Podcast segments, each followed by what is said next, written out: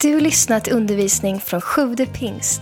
Vi hoppas att Guds ord ska tala in i ditt liv och fördjupa din relation med Jesus. Besök gärna vår hemsida, www.sjuvdepingst.se. Sven har haft ett tema här under mars månad, ett, litet minitema kan man säga, om högmod. Talat om din värsta fiende som är högmod. Vi ska läsa det bibelordet där, Jakobs brev 4 och 6. Um, ehm, så står det så här där, Jakob 4.6. Men större är nåden han ger. Därför heter det, Gud står emot de högmodiga, men ger nåd åt de ödmjuka. Så den här bibelordet har han talat om att din värsta fiende är högmod, därför att högmod får Gud att stå dig emot. Eh, och så sa han också, slängde ut sig här under mars, att kanske du skulle ta, haka på lite här och så predika helt enkelt om ödmjukhet då. För det finns ju en fortsättning på det här, det slutar ju inte med att Gud står emot de högmodiga, utan det fortsätter med att de ödmjuka ger han nåd. Och därför är ju min predikan idag och temat är din bästa vän, helt enkelt, ödmjukhet. Så vill du ha en rubrik där du sitter ivrigt och antecknar, nu känner ni genast liksom lite så här dåligt samvete kanske, men då är det i alla fall den som är rubriken. Jag vet inte om vi har upplevt någon gång, eller det har nog alla gjort, liksom när livet kämpar emot oss på något sätt. Om du liksom har, har, eh, har tagit ut liksom syltburken ifrån eh, jordkällaren, eh, jordkällaren har man inte kanske, men jag, vi har ju 60-talshus, vi har ju en matkällare. Och så går man ner där och hämtar en syltburk. Och så står man och liksom tar i allt vad man är värd alltså. Och det går inte att få upp den där syltburken. Eller om du kanske någon gång har packat lite för mycket i väskan. Och så får du liksom inte igen den här dragkedjan för att det bara, det står dig emot liksom. Det går inte att forcera den där dragkedjan eh, för att det, det, det, det, liksom, det bara går inte. Eller den där rostiga bulten. Har vi några mekaniker här inne? Någon som, ja, en, det var bra. Som har upplevt en rostig bult vet du. Man tar i och tar i och tar i och tar i. Och ingenting kan få den där bulten att släppa. Eh, och så där tänker jag att vi kan gå genom livet ibland, att det är som att det är ett ständigt motstånd, att det är någonting som är trögt liksom. Det är någonting som, som, som, som inte släpper. Och jag har ju numera hus också, då jag och Caroline sedan några år tillbaka. Och då är ju vårtid, då är det dags att rensa i trädgården. Det vet ni liksom. Ja, det, är, ja, det är ingen som känner igen sig. Man, jo, men det, man ska rensa i trädgården i alla fall. Och så är det alltid minst två, jag fattar inte hur mycket buskar växer alltså. Det, de tar aldrig slut att växa.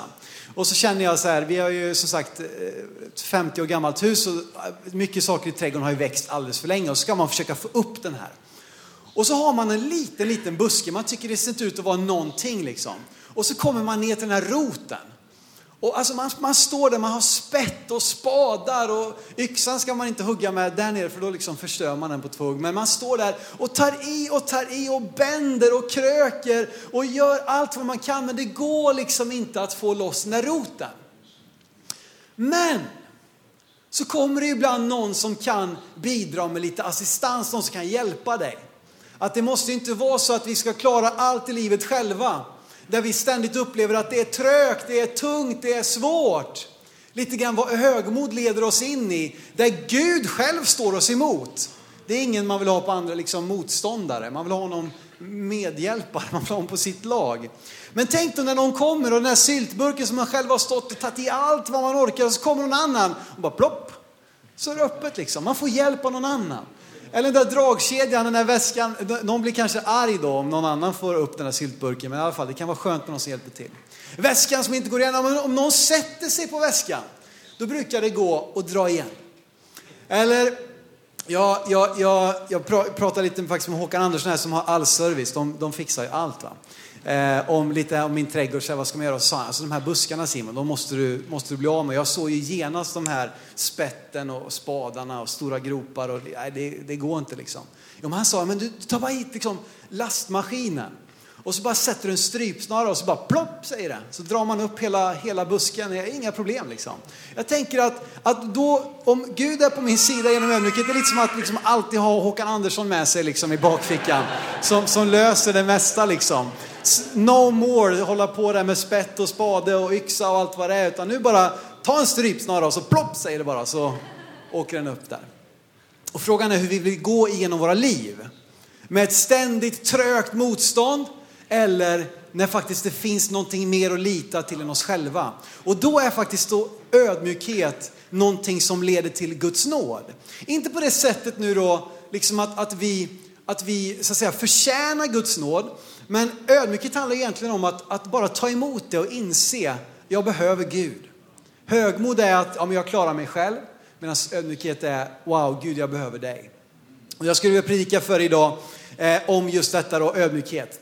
Ödmjukhet, vet du, den kastar in dig i Guds löften och välsignelse. Bibeln är full utav löften till de ödmjuka.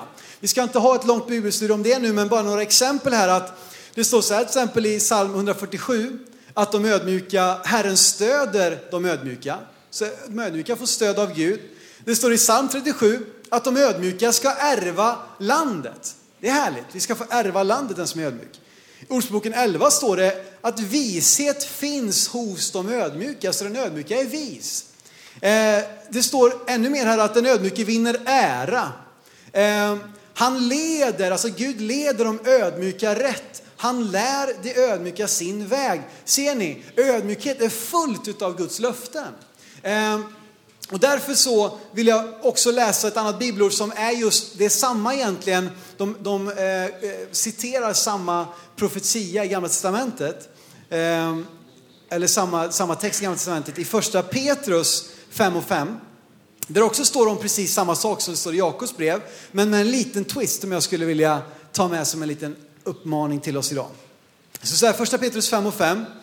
Likaså ni yngre, underordnar er de äldre och ni alla klä er i ödmjukhet mot varandra. För Gud står emot de högmodiga men ger nåd åt det ödmjuka. Eh, klä er i ödmjukhet. Jag tänker att när det här uttrycket dyker upp i Bibeln, att klä er, ta på er, ikläd er, då finns det liksom ett ansvar hos dig och mig. Att det är någonting vi ska ta på oss, det är någonting vi ska aktivt söka, aktivt agera i. Och här säger Petrus att vi behöver klä oss i ödmjukhet. Vi behöver aktivt påminna oss om detta eh, eh, och leva i det. Så därför är det på något sätt en uppmuntran då att vi får klä oss i ödmjukhet och där faktiskt kan du och jag påverka det eh, i hur vi gör det. Och innan vi säger så mycket mer om ödmjukhet så kan det vara värt att säga vad ödmjuk inte är. Eh, falsk ödmjukhet. Det är vi ganska bra på skulle jag vilja säga. Ödmjukhet är inte att säga att man inte är bra på något eller duger till något. Det är många som får, nej men säg liksom, nej jag kan ingenting och jag är så dålig och nej men jag har inget att komma med. Liksom hela jantelagen här va. Det är inte ödmjukhet. Det är en falsk ödmjukhet när man på något sätt försöker iklär sig någon slags, jag vet inte vad man iklär sig, men det är i alla fall inte ödmjukhet. Eh, eh, och ödmjukhet är inte heller att säga att det inte spelar någon roll när det spelar någon roll. Eh, jag vet inte om ni har hört det någon gång, ni kanske ska välja film till exempel. Och så säger den ena då, nej välj vad du vill, det spelar ingen roll för mig. Nej det gör ingenting. Och sen säger man, vi tittar på den här då. Ja, ska vi, måste vi titta på just den? Ja men du sa att det spelar någon roll. Ja men just den, ja, men vi tittar på den här då. Ja, och sen till slut då så kommer det fram att det fanns ju ett väldigt tydligt önskemål om vilken film man skulle titta på. Men säg det från början då liksom. T-sak gäller va, som vi brukar säga på, här på slätten. Eller lika, liksom, det är inte då ödmjukhet att, att hela tiden, nej det spelar ingen roll, det struntar jag i. Och sen så är det hela tiden så att det ändå spelar någon roll. Ödmjukhet är inte heller att avstå från generositet eller uppmuntran för att någon annan inte ska bli högmodig. Har ni hört den grejen någon gång då? Nej, vi får inte slösa för mycket på uppmuntran för då blir de högmodiga.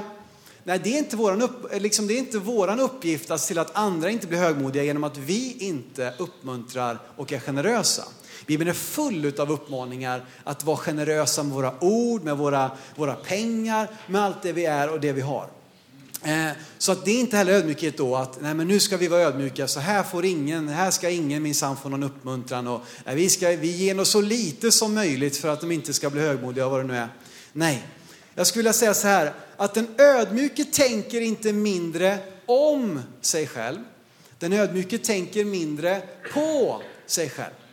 Hänger ni med? Den ödmjuke tänker inte mindre om sig själv, den ödmjuke tänker mindre på sig själv. Det är inte så att, åh jag är så dålig, jag kan ingenting, jag är kass, jag är värdelös.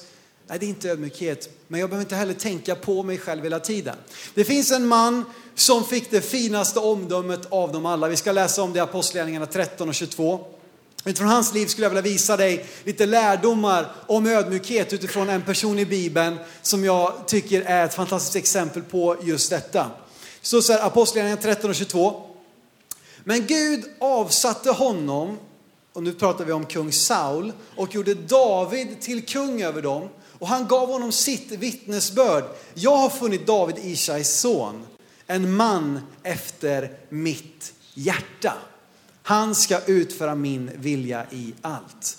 David fick omdömet en man efter mitt hjärta, alltså en man efter Guds eget hjärta. Utav Gud själv. Det var liksom Guds sätt att beskriva David. Vilket bättre omdöme skulle man kunna få än att vara en man efter Guds eget hjärta. Och lika så är det ju så att Saul då, som var kung före David, som blev avsatt ifrån det, är ju kanske ett väldigt bra exempel också på högmod.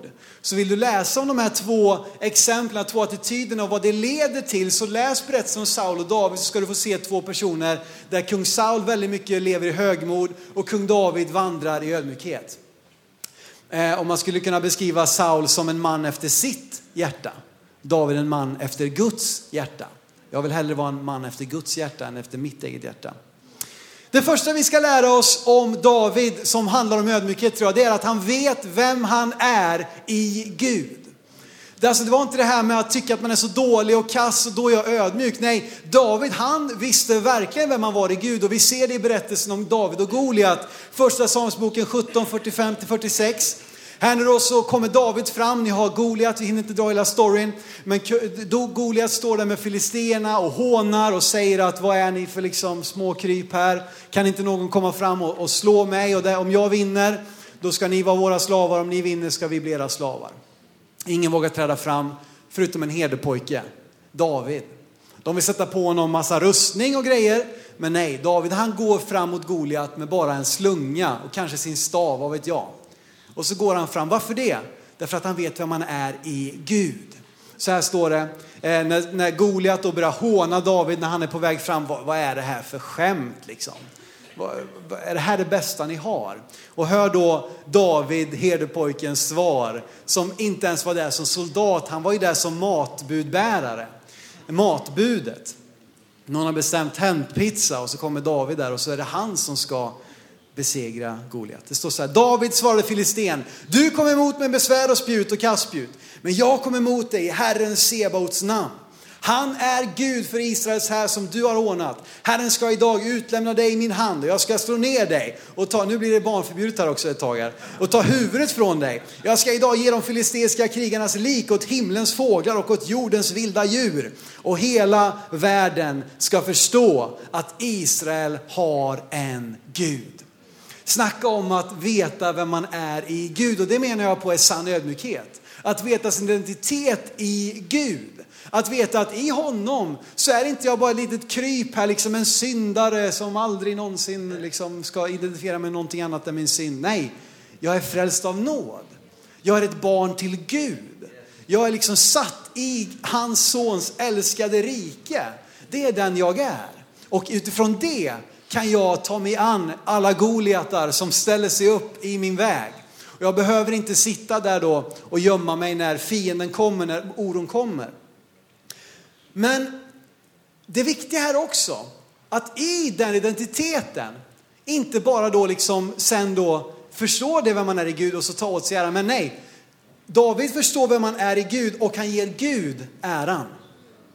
Han ger Gud äran för det som han utför när han nu då blir hjälten i hela landet, han är den som har besegrat Goliat, ja men då ger han Gud äran. Läs vidare i vers 47.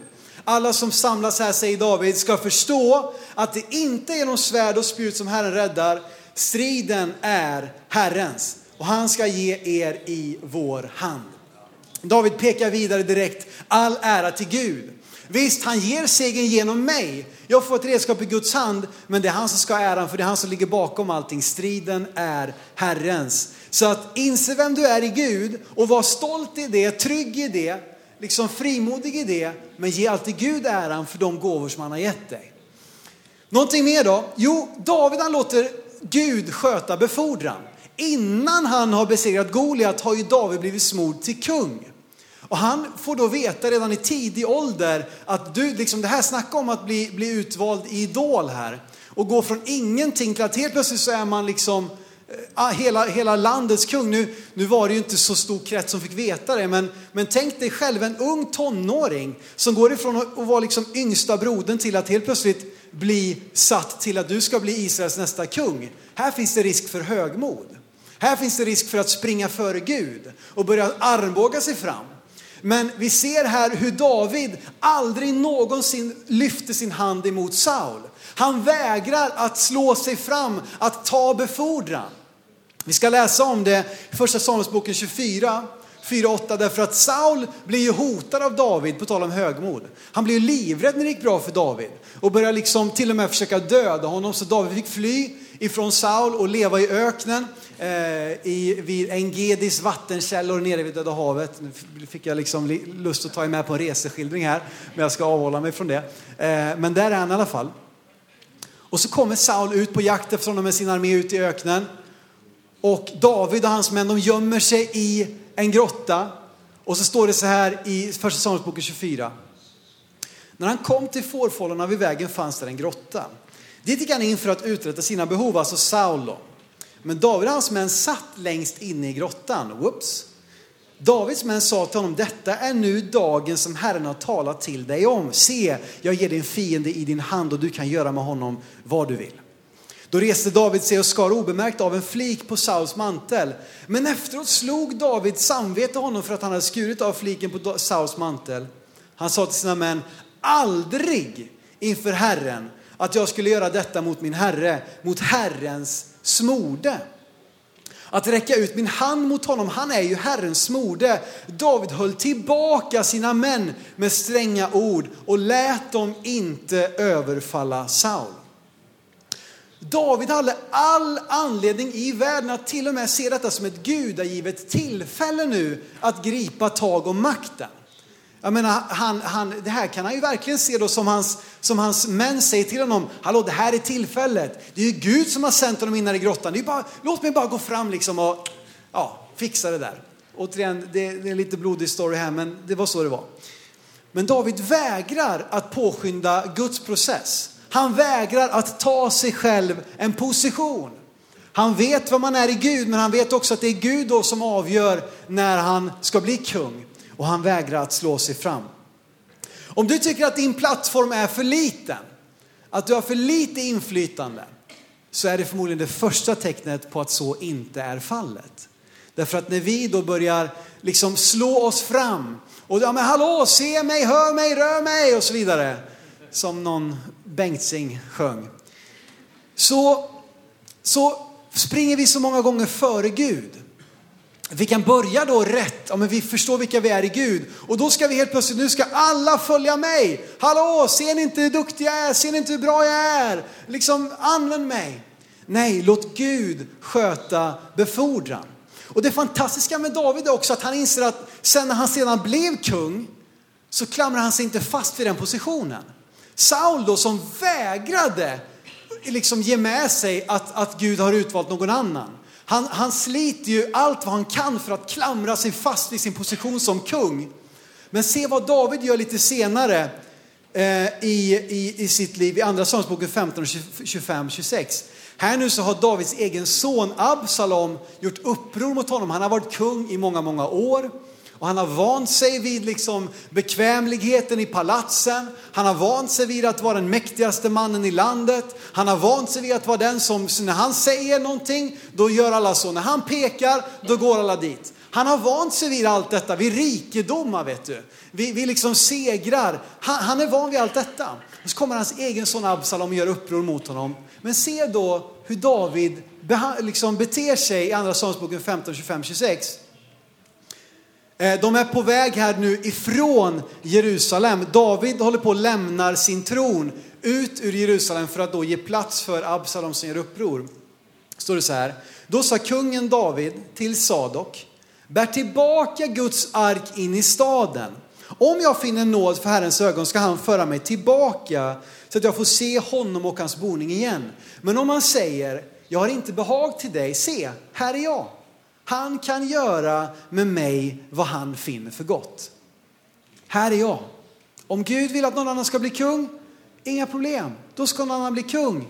Jag är här. Om Gud finner nåd, ja men då kommer han att låta mig fortsätta vara kung. Men om det är dags för någon annan, varsågod. Jag vill inte stå i vägen för det Gud vill göra. Och det här är kanske en utmaning för varje ledare, för varje människa egentligen att gå då ifrån en, en tid där man själv är den då som är längst fram, där man själv är den som folk lyssnar, lyssnar på. Man själv är den som faktiskt har kämpat och tjänat och gett och bett och allting i så många år. Och så helt plötsligt är det dags för någon annan. Och då är det så lätt att vi blir som Saul som börjar jaga den nykomlingen på flykten istället för att ta honom till våra armar och säga hallå, jag vill hjälpa dig, jag vill sätta upp dig på bästa sätt för att du ska kunna ta över efter mig och liksom börja där jag slutar och bygga vidare på det.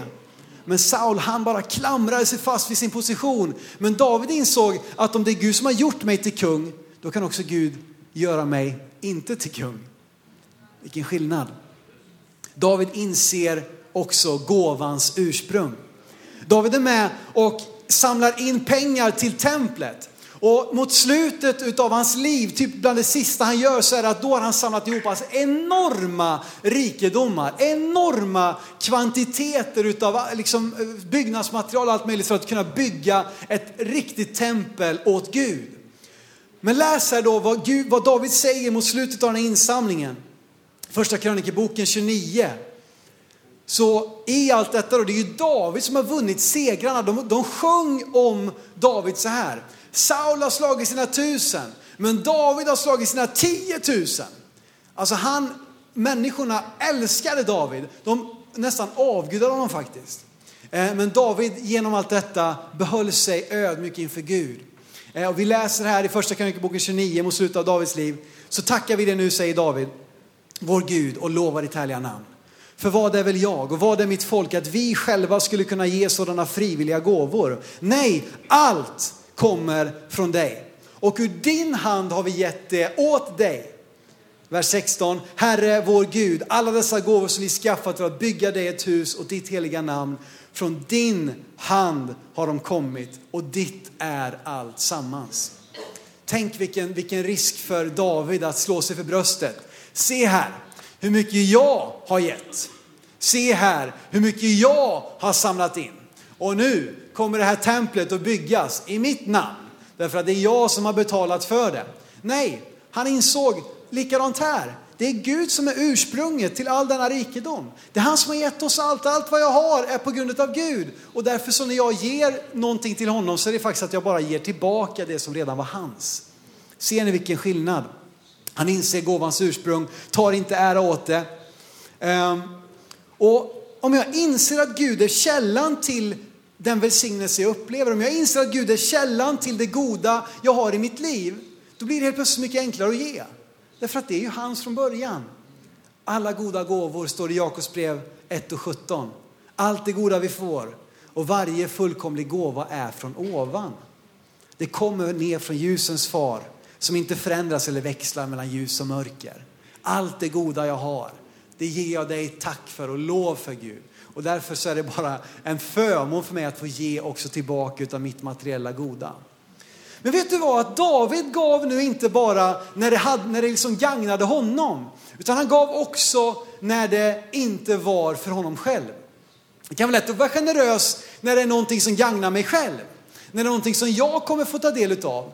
Men faktum är att när David samlar in de här enorma kvantiteterna så har han också innan han ens börjar samla in fått veta att det är inte du som ska bygga templet. David får en vision nämligen ifrån Gud, en dröm.